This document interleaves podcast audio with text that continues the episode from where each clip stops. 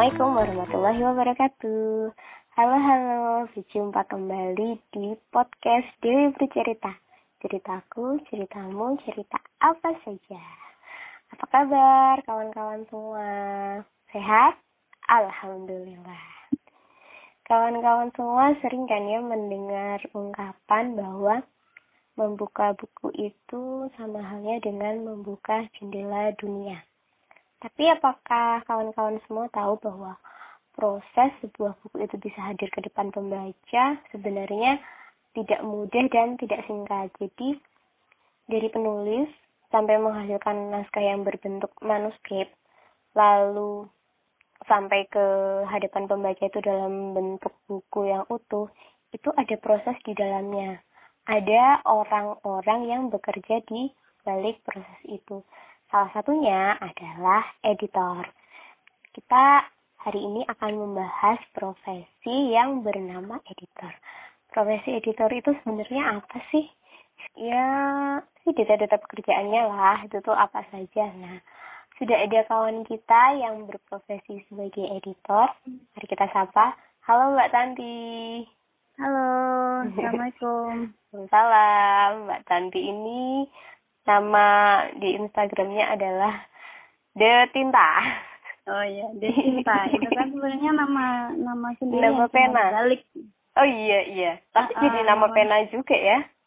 Hmm. Oh enggak juga. Oh Cuma ya. nama di media sosial aja. Oh nama di media sosial. Soalnya Mbak Tanti ini kan selain berprofesi sebagai editor juga menulis hmm. sudah menulis berapa buku mbak? Berapa ya buku nulisnya udah uh, beberapa judul tapi yang Oke. terbit baru sekitar tujuh judul. Wah itu udah banyak itu mbak. Ya alhamdulillah sih lagi punya kesempatan buat nulis gitu jadi bisa berbagi. Ya terus berkarya ya mbak ya. Amin amin insyaallah. Nah, Mbak Tanti, hmm, hari ini kita akan membahas profesi yang bernama editor. Profesi ini kan sebenarnya sangat berperan ya dalam proses penerbitan. Sebenarnya profesi editor itu apa sih Mbak? Profesi editor apa? Eh uh, uh, profesi editor, editor itu adalah orang Mm -hmm. yang menem mencari menemukan kesalahan orang lain, kemudian memaafkan, iya. Memaafkan, membantu memperbaikinya. Itu aja sih sebenarnya. Ya, jadi menemukan, Uh-uh. terus me memperbaiki, Memaafkan dulu. memaafkan, tapi dan memperbaiki. oh iya iya, menemukan, eh, memaafkan dan memperbaiki. Tapi dalam hal ini konteksnya adalah buku atau Ah. naskah. Hmm. Nah, i- intinya sih editor yang menyiapkan mm-mm. sebuah apa ya naskah itu menjadi layak untuk di eh, Hmm, baca dibaca. hati oleh pembaca gitu. Kalau Mbak Tanti sendiri kenapa sih ingin jadi editor? Itu memang eh, ada orang yang memang sudah punya cita-cita sejak lama. Oh nanti saya kalau Hmm. sudah dewasa ingin jadi ini atau baru Hmm. setelah kuliah aja lantas berpikir oh setelah kuliah saya selesai saya akan jadi editor. Kalau Mbak Tanti yang mana? Kalau saya ini udah bercita-cita sejak lama sebelum kuliah. Wow, sejak Jadi kecil? Sejak SM enggak juga sih. Lebih tepatnya sejak SMA. Sejak Hmm. SMA itu cita-cita menjadi editor. Makanya ketika kuliah kemudian memilih jurusan yang memungkinkan untuk saya eh, mencapai cita-cita tersebut. Hmm, jadi eh kan ada orang yang sampai kuliah pun nggak tahu saya mau jadi apa ini. Ah, ah, ah. ya Tapi, itu proses sih untuk menemukan eh, apa minatnya. eh, kalau Mbak Tanti sendiri menemukan minat untuk jadi editor itu ada latar belakang seperti apa? Ada, oh ya, jadi ceritanya lucu nih. Mm-mm. Jadi waktu masih sekolah itu sejak SMP ya. Sejak SMP kan saya suka nulis-nulis karena emang itu anaknya agak-agak introvert dulu. Kalau sekarang nggak tahu ya. Sekarang Iya. mendingan lah uh, introvert lalu memilih kegiatannya yang Ah, nggak menulis. melibatkan banyak orang ya jadi ya Iya betul. Heeh, jadi ke- karena dulu anaknya introvert, jadi Hmm. sukanya cuma nulis, menyendiri menulis, menyendiri menulis. Waktu SMP itu cuma nulis-nulis ya apalah curahan hati. Diary. Diary ya. Tapi ketika SMA udah mulai eh, mencoba untuk menulis cerpen. Mm. Nah, karena karena mulai menulis cerpen, akhirnya berkeinginan untuk mengirimkan cerpen itu ke media media gitu. Mm-mm. Mm-mm. Tapi waktu itu medianya cuman ke majalah sekolah. maging di sekolah, nah, eh, eh, di sekolah atau majalah sekolah ya Ah, jadi setiap bulan ada gitu kan dibagi. Tapi beberapa kali ngirim-ngirim nggak pernah dimuat sama sekali.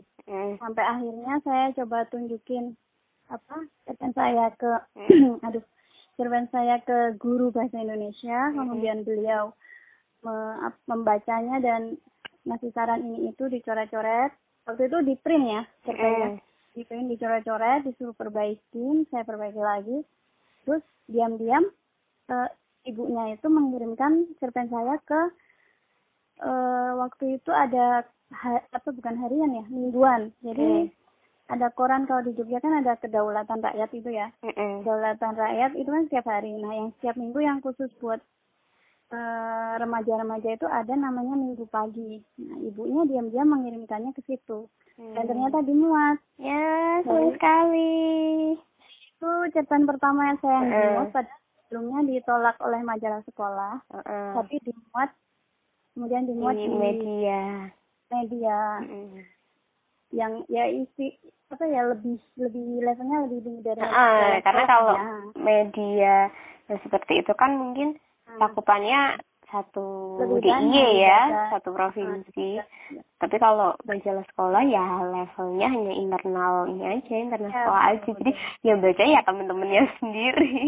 kalau Hmm. eh, media seperti koran gitu kan paling enggak eh, beredarnya satu satu DIY mungkin ya kalau KR itu.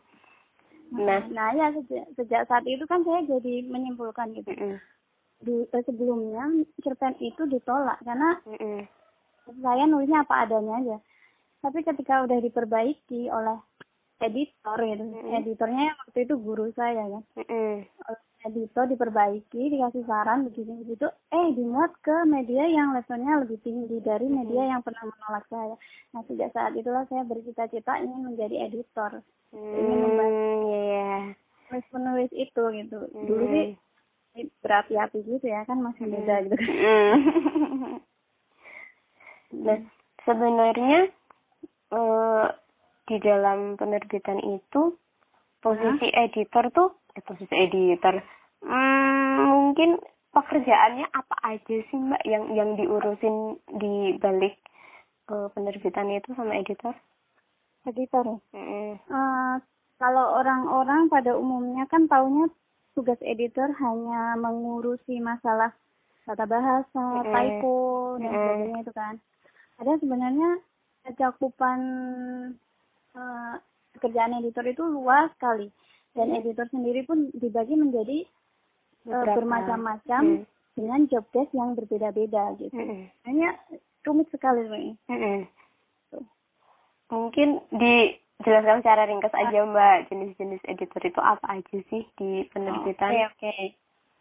Oke, jenis editor ini yang saya ini ya. Nanti kalau misalnya ada yang punya pendapat lain mungkin bisa Mm-mm. sampaikan. Kalau kalau yang saya tahu Yang dihadapi Mbak Tanti sehari-hari. saya gitu. hadapi selama ini itu Mm. editor itu yang pertama itu ada editor in chief. Mm. Itu sering disebut redpel ya. Eh kok redpel? Eh, apa Imret. namanya? Imret, ya Eh, betul kan. pemimpin redaksi. pemimpin redaksi. Nah, itu yang bertanggung jawab memimpin apa? seluruh masalah keredaksian. Mm. Terus mendelegasikan semua tugas ke ke seluruh staf redaksi itu ya ya Pemret itu. Itu itu Pemret. Pokoknya yang ya kayak leadernya lah gitu, leadernya. Hmm, yang mungkin mm, akan mengarahkan ini eh, penerbit kita mau me- menghasilkan naskah-naskah seperti apa sih gitu nggak sih mbak? Nah, Ah, betul. Ya ya itu, heeh. Pemret itu seperti itu. Hmm, gitu. yang akan menentukan Pokoknya ya arah arahnya redaksi suatu penerbit gitu ya. Heeh. Ya mungkin karena kerja tim nanti emang uh, ada diskusi dengan tim lainnya ya. Mm-mm. Tapi yang Pemret itu yang apa? Bertanggung jawab. itu gitu. Hmm, Lalu yang lainnya? Nah, yang lainnya ada editor akuisisi namanya. Hmm. Itu yang bertugas untuk mencari naskah, naskah-naskah dan juga mencari penulis ya, penulis. Jadi Hmm. dia kayak kayak eh, mencari talentnya gitu. Hmm, hmm. yang menemukan naskah-naskah bagus yang bisa diorbitkan dan kira-kira Potensial ini, di pasar gitu. poten potensial di pasar dan bermanfaat bagi halayak gitu ya Hmm. itu editor akuisisi Hmm. Lalu Nah, yang jadi- selanjutnya? Nah, selanjutnya itu ada editor isi editor isi Hmm. ini disebut penyunting penyunting Kalau Jadi dia ya Hah? itu bertanggung jawab atas isi Ya. naskah ya berarti. Betul ya. Jadi dia ya apa ya bertanggung jawab untuk membuat eh, konten naskahnya itu jadi enak dibaca dengan memperhatikan kaidah-kaidah kebahasaan Hmm. yang ada. Gitu. Mm-mm. Kaidah kebahasaan itu ya misalnya eh, struktur kalimat, ah, catat logika atau eh, tidak. gitu. diksi, Hmm, seandainya non fiksi ya ada data yang valid atau enggak. Gitu. Hmm, ya. Pokoknya yang mengurusi itulah Berarti sampai layak layak terbit. eh, berarti ini juga ya kalau editor itu nggak nggak hanya mengurusi aspek bahasanya saja, tapi juga hmm, seperti yang Mbak Tanti sebutkan tadi masalah Hmm. mengecek data dan fakta. Jadi Ah, ah, Hmm. iya dong. kita nggak kita seorang editor Editor, ya. saya editor juga sih sebenarnya jadi seorang editor itu nggak nggak boleh hanya memfokuskan perhatiannya terhadap Mm-mm. aspek kebahasaannya tapi juga hal-hal eh, yang sifatnya apa ya di Ya. di luar aspek kebahasaan ya seperti tadi eh, Kontennya, masalah data dan konten. fakta iya konten tidak Mm. hanya kebahasaan tapi juga konten. Nah aku tuh sempat eh, melihat bahwa selain editor ini ada juga yang namanya proofreader atau penyelaras bahasa nah kalau penyelaras bahasa atau proofreader ini hampir sama nggak sih mbak sama editor? proofreader itu eh, tugasnya ke finishingnya ya. Jadi dia itu membantu editor isi untuk mengecek kembali apa yang kira-kira terlewat masih terlewat gitu. Hmm. Karena kan editor isi tugasnya banyak banget tuh. Mm-mm. Jadi nggak mungkin langsung bisa sempurna minus kesalahan gitu. Nah, proofreader memastikan hal itu. Jadi ngecek-ngecek lagi finishingnya, membaca ulang draft dan sebagainya. Termasuk proofreader itu juga mengecek apa layoutannya ya. Mm-mm. Layoutannya. Misalnya ini catchwordnya belum ada nih atau nomor halamannya kok nggak dicantumin atau ini miring deh atau penggalannya salah nih Hmm, atau iya. kalimat di layoutannya ada yang kepotong ini paragrafnya gitu gitulah terus itu Hmm, ya Iya. berarti kalau proofreader itu lebih bertanggung jawab terhadap apa yang ter- tercetak gitu ya mbak ya? ya, ah, apa Jadi, yang ada di Oh, masalah konten itu sudah bukan wilayah kerjanya proofreader itu Mm, wilayah bukan, kerjanya editor. Nah, proofreader Hmm. hanya mengurusi masalah semua yang tercetak. Nah, perintilan-perintilan itu sehingga ketika, ketika nanti bukunya udah dicetak nggak ada lagi yang minus-minus lagi Ya, gitu. misal typo atau ada halaman yang kosong atau ya ah, Oh. betul betul ya kesalahan-kesalahan trivial dalam tanda kutip seperti itu. Mm, iya, Nah, hmm, mungkin banyak yang belum tahu juga ya Mbak sebenarnya dalam eh, penerbitan itu dari naskah berbentuk manuskrip sampai Mm-mm. akhirnya ada di tangan pembaca dalam bentuk buku itu secara ringkas pros- eh, prosesnya seperti apa sih Mbak? Eh, oh ya. Terus secara ringkas prosesnya. Mm-mm. Ya itu dari penulis.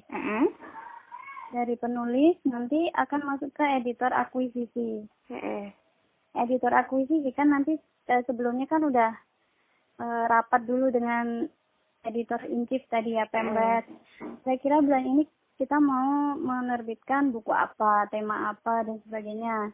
Nah nanti ya yang mencari itu, misalnya kan ada beberapa naskah yang masuk Mm-mm. beberapa naskah yang masuk dia seleksi apakah ada yang seperti tema yang dia cari gitu atau mungkin dia menemukan naskah baru yang bagus gitu Hmm. bagus eh, meskipun belum belum sesuai dengan tema yang di apa eh, yang dirapatkan oleh tim Hmm. nanti bisa diajukan gitu dirapatkan lagi ini bisa nggak sih diorbitkan gitu Mm-mm.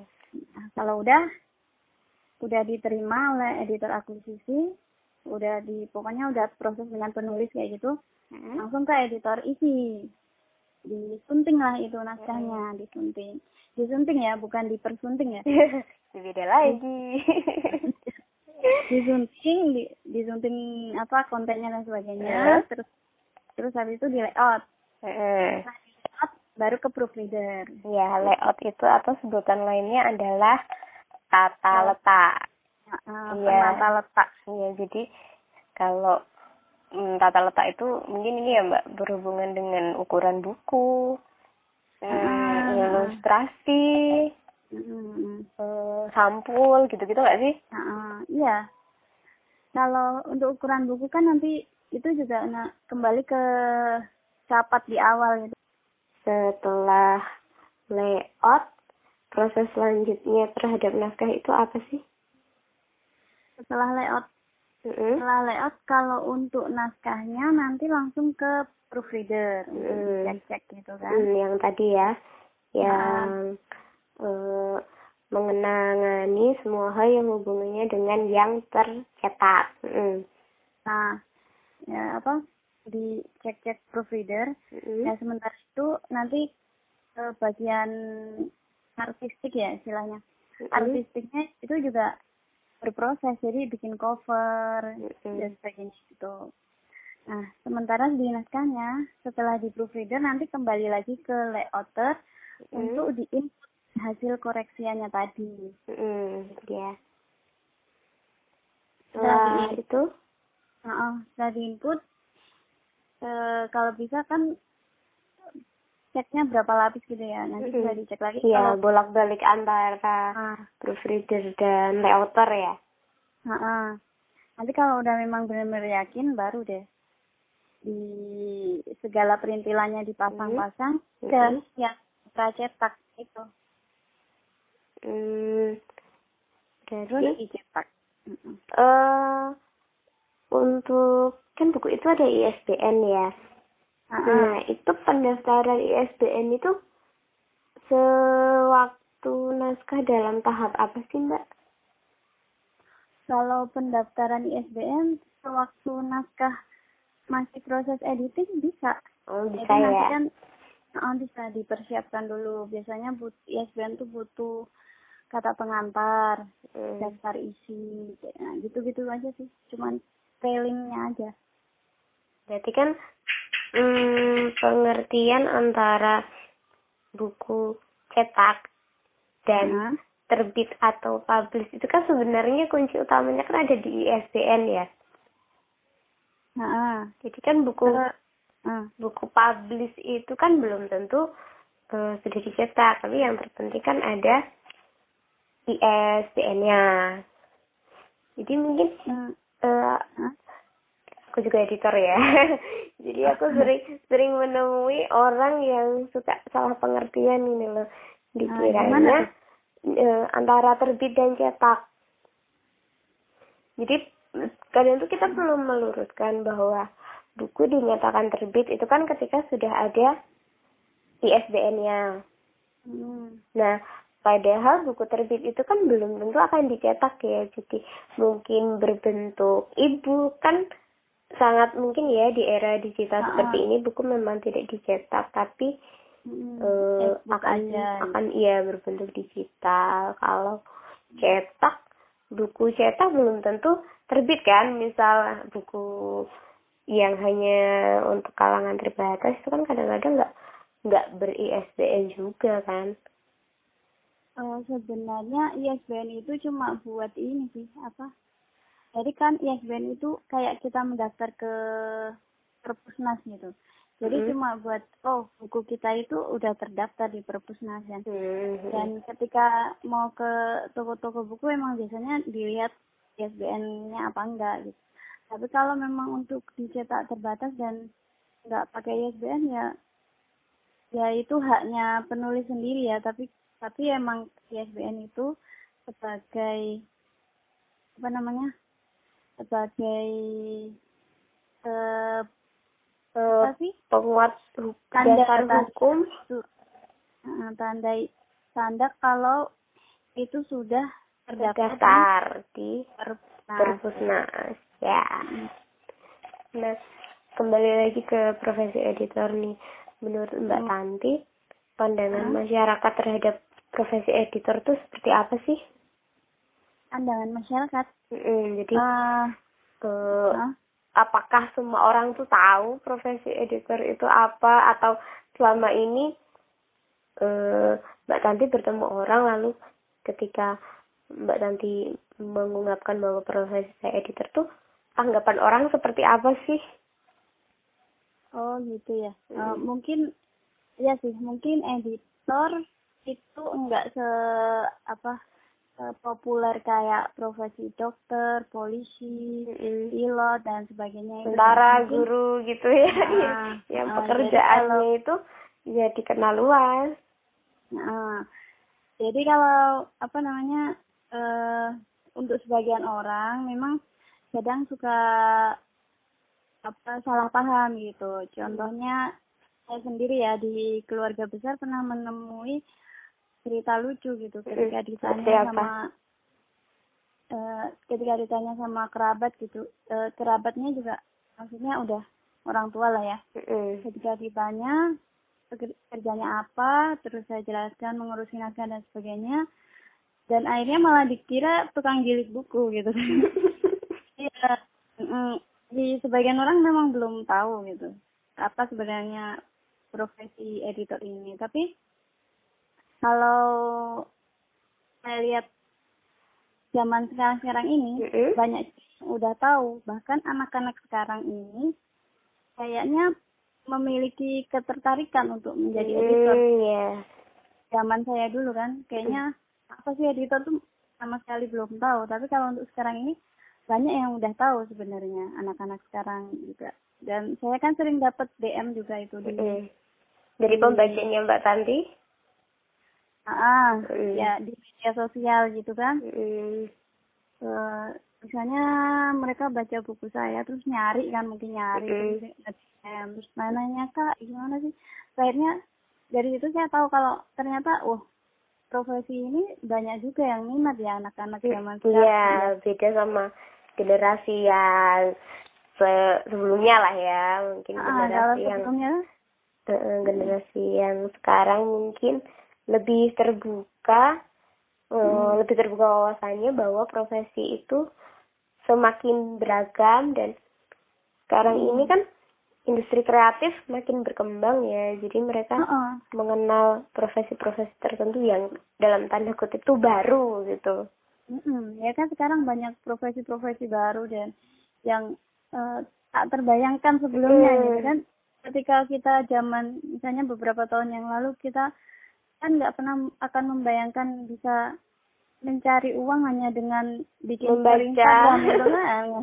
Nggak mungkin nggak nggak terbayangkan ya tapi sekarang Betul. ada ya, profesi-profesi baru. Dan salah satunya editor ini. Editor bukan profesi baru sebenarnya tapi hmm. kenal lah mulai dikenal. Dan mulai mendapatkan interest dari anak-anak zaman sekarang. Beda dengan waktu saya masih remaja dulu kan ketika ditanya yeah. jadi mm apa tuh editor kan yeah. ya gitu. nah uh, untuk menjadi editor nih kualifikasi hmm. apa saja sih mbak yang dibutuhkan uh, yang pasti senang baca ya kudu hmm, ya utama baca. itu ya nah itu yang utama karena editor kan kerjaannya ya baca gitu. Mm. Kalau nggak seneng baca ya gimana nggak bisa kerja kan. Mm. Terus setelah itu uh, apa paham ejaan dan tata bahasa. Ya, aspek Hmm, bahasaannya harus ini ya, harus kuat ya. Ah, kalau di sini ya paham kaidah-kaidah bahasa Indonesia yang benar kayak gimana gitu. Terus syukur-syukur bisa nulis, tapi kayaknya Hmm, kalau ya. kalau suka baca otomatis bisa nulis sih ya. Itu udah auto itu kayaknya, tinggal dilatih aja nanti. Ya, paling enggak tuh udah udah ada bekal bahwa hmm, kalau suka membaca, banyak membaca pasti tahu oh tulisan yang bagus tuh seperti ini loh. Ah. Nah, kalau Hmm. ada tulisan yang kurang itu oh kurangnya di sini. Jadi eh, ketika seorang editor akan berangkat menjadi seorang penulis paling enggak udah ada model dasarnya. Iya, betul. Terus ada lagi nih yang Hmm? paling harus dimiliki oleh kalau ingin jadi editor ya, Mm-mm. yaitu teliti dan sabar. Yap. gitu. Karena seorang editor itu kayak apa ya? eh, dia harus membaca satu naskah aja kadang sampai berkali berkali. Hmm, iya apalagi kalau naskahnya ini ya banyak masalah ya, masalah teknis Ah. maupun masalah kontennya. Mm. Ya kalau nggak teliti nggak nggak sabar ya udah Hmm. dia akan menyerah gitu. ya itu aja sih paling kualifikasinya. Oh kalau bisa bahasa asing bagus Eh, lagi. sangat menunjang lagi ya. Ah, bahasa Inggris lah ya. Hmm. Eh, ini nggak sih mbak? Eh, apa? Pengetahuan umum itu menunjang juga nggak sih? Oh iya jelas. Nah itu nanti kembali lagi ke kegemaran membaca tadi. Hmm, Ketika ya gemar membaca, otomatis pengetahuan umumnya akan banyak gitu. Jadi ketika dia mengawal sebuah naskah dia nggak akan ini bingung atau gimana gitu kan. Nggak terlalu bingung lagi karena udah ada pengetahuan tentang itu. Hmm, ya. Kalau skill komunikasi? skill komunikasi iya sebenarnya kalau pekerjaan apa pun kayaknya memerlukan itu Hmm, ya.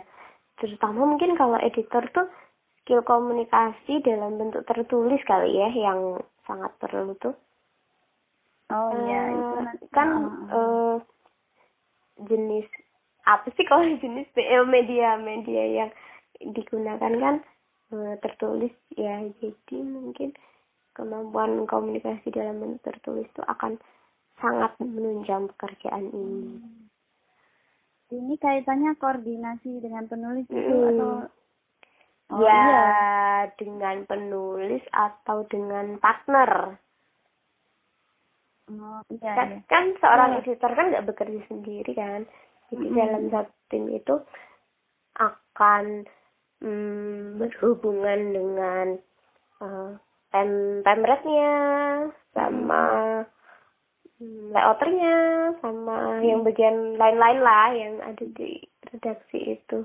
Ya, kan editor tuh kerjanya tim ya. Kalau Hmm. menurut saya ke- ketika kita kerja tim itu emang yang harus skill komunikasi itu harus bagus gitu. Kalau enggak ya nanti bisa kadang salah paham sama tim lainnya gitu atau jadi malah berantakan gitu lah makanya. iya ya bidang pekerjaan apa pun ya sebenarnya itu butuh tapi mungkin kalau untuk bidang pekerjaan lain mungkin lebih ke public speakingnya mungkin ya Heeh. tapi kalau yang editor beda lagi ya tetap ya intinya tetap butuh skill komunikasi Iya. sih Eh, komunikasi dalam berkoordinasi mungkin ya Mm-mm.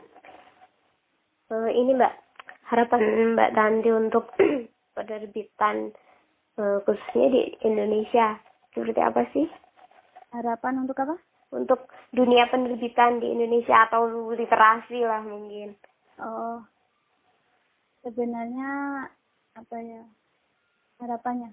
Hmm. jadi ini ya kita kan lagi kalau minat baca di Indonesia kan emang terkenal nggak nggak Eh, nggak nggak terlalu tinggi dibandingkan negara lain ya walaupun ya alhamdulillah anak-anak sekarang banyak yang suka baca gitu Mm-mm.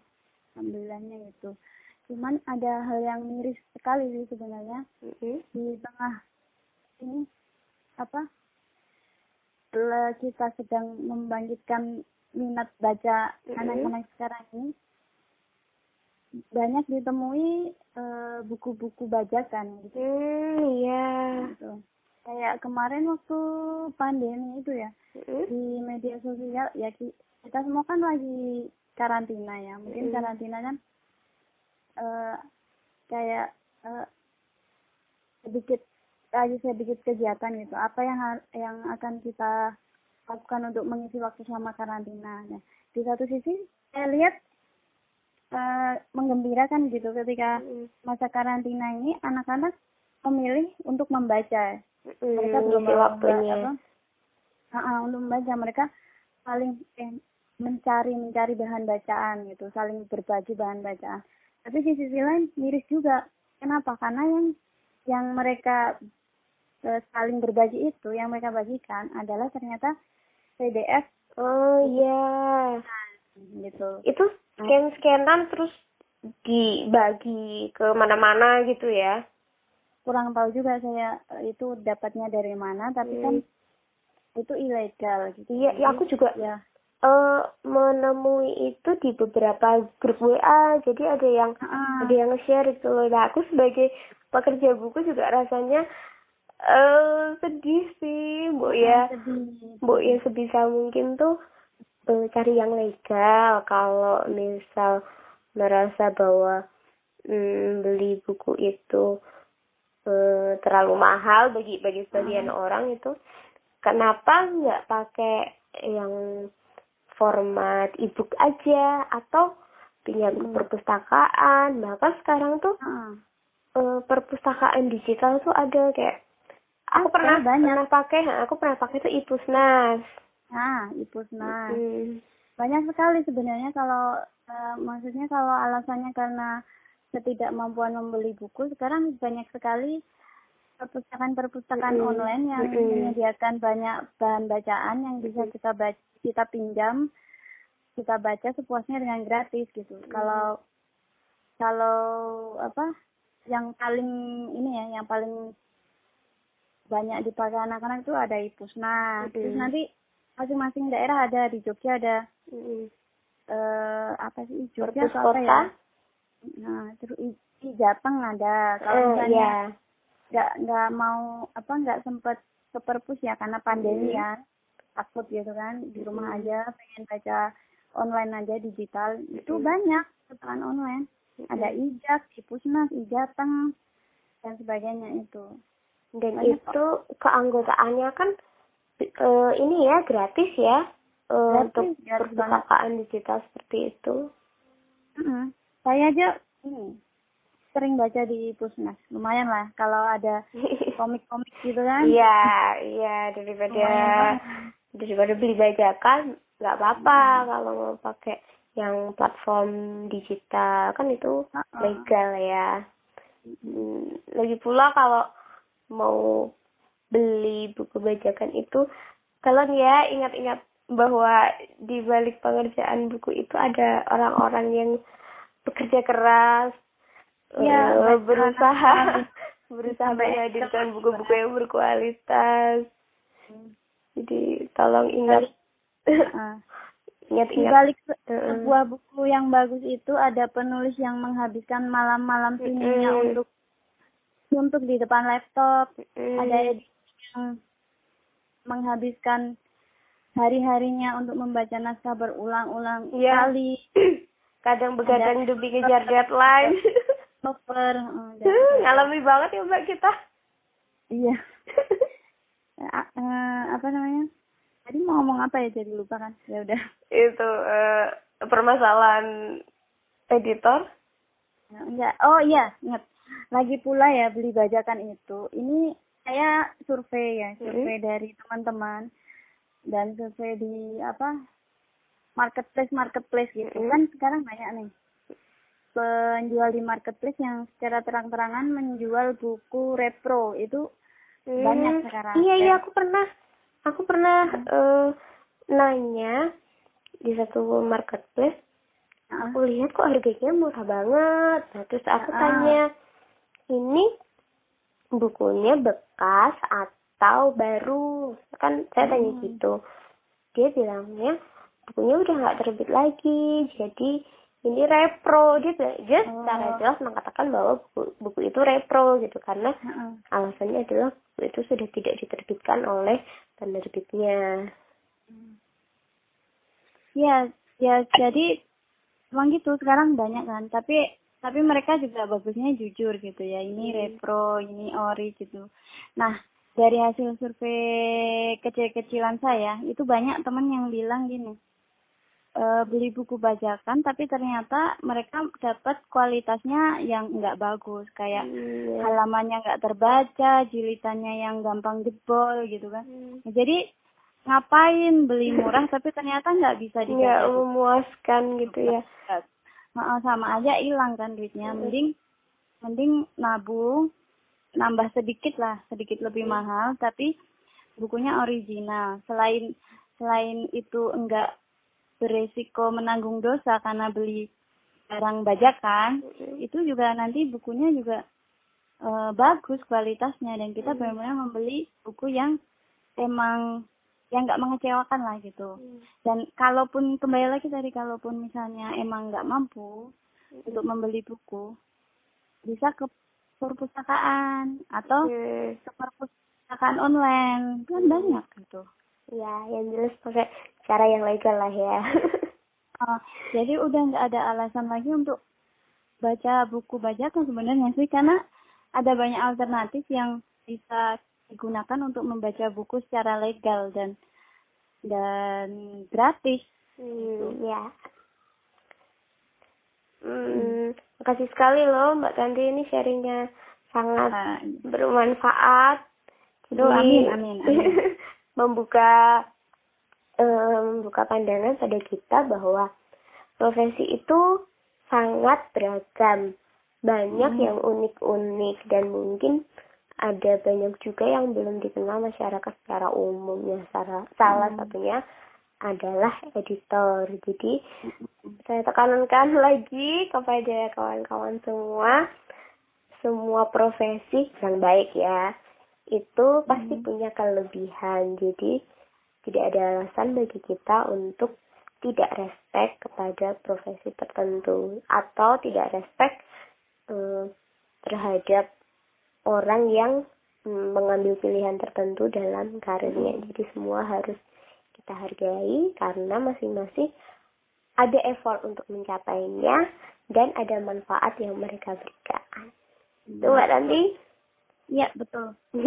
Apalagi profesi editor ini sangat membantu loh dalam transfer pengetahuan. Jadi kita bisa mm, tambah wawasannya dari membaca Ah. buku itu juga merupakan mm, jasa dari editor ya selain banyak orang yang ada di di belakang layar. Jadi mari kita mm, menghormati profesi ini.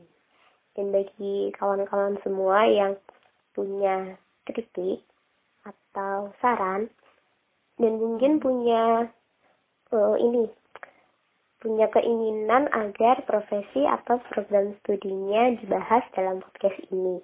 Nah, kawan-kawan bisa mengirimkan DM ke Instagram saya ke @dewi.surani atau melalui email ke dewisurani1990 at gmail.com.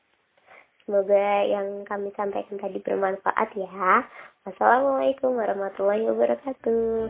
Bye-bye.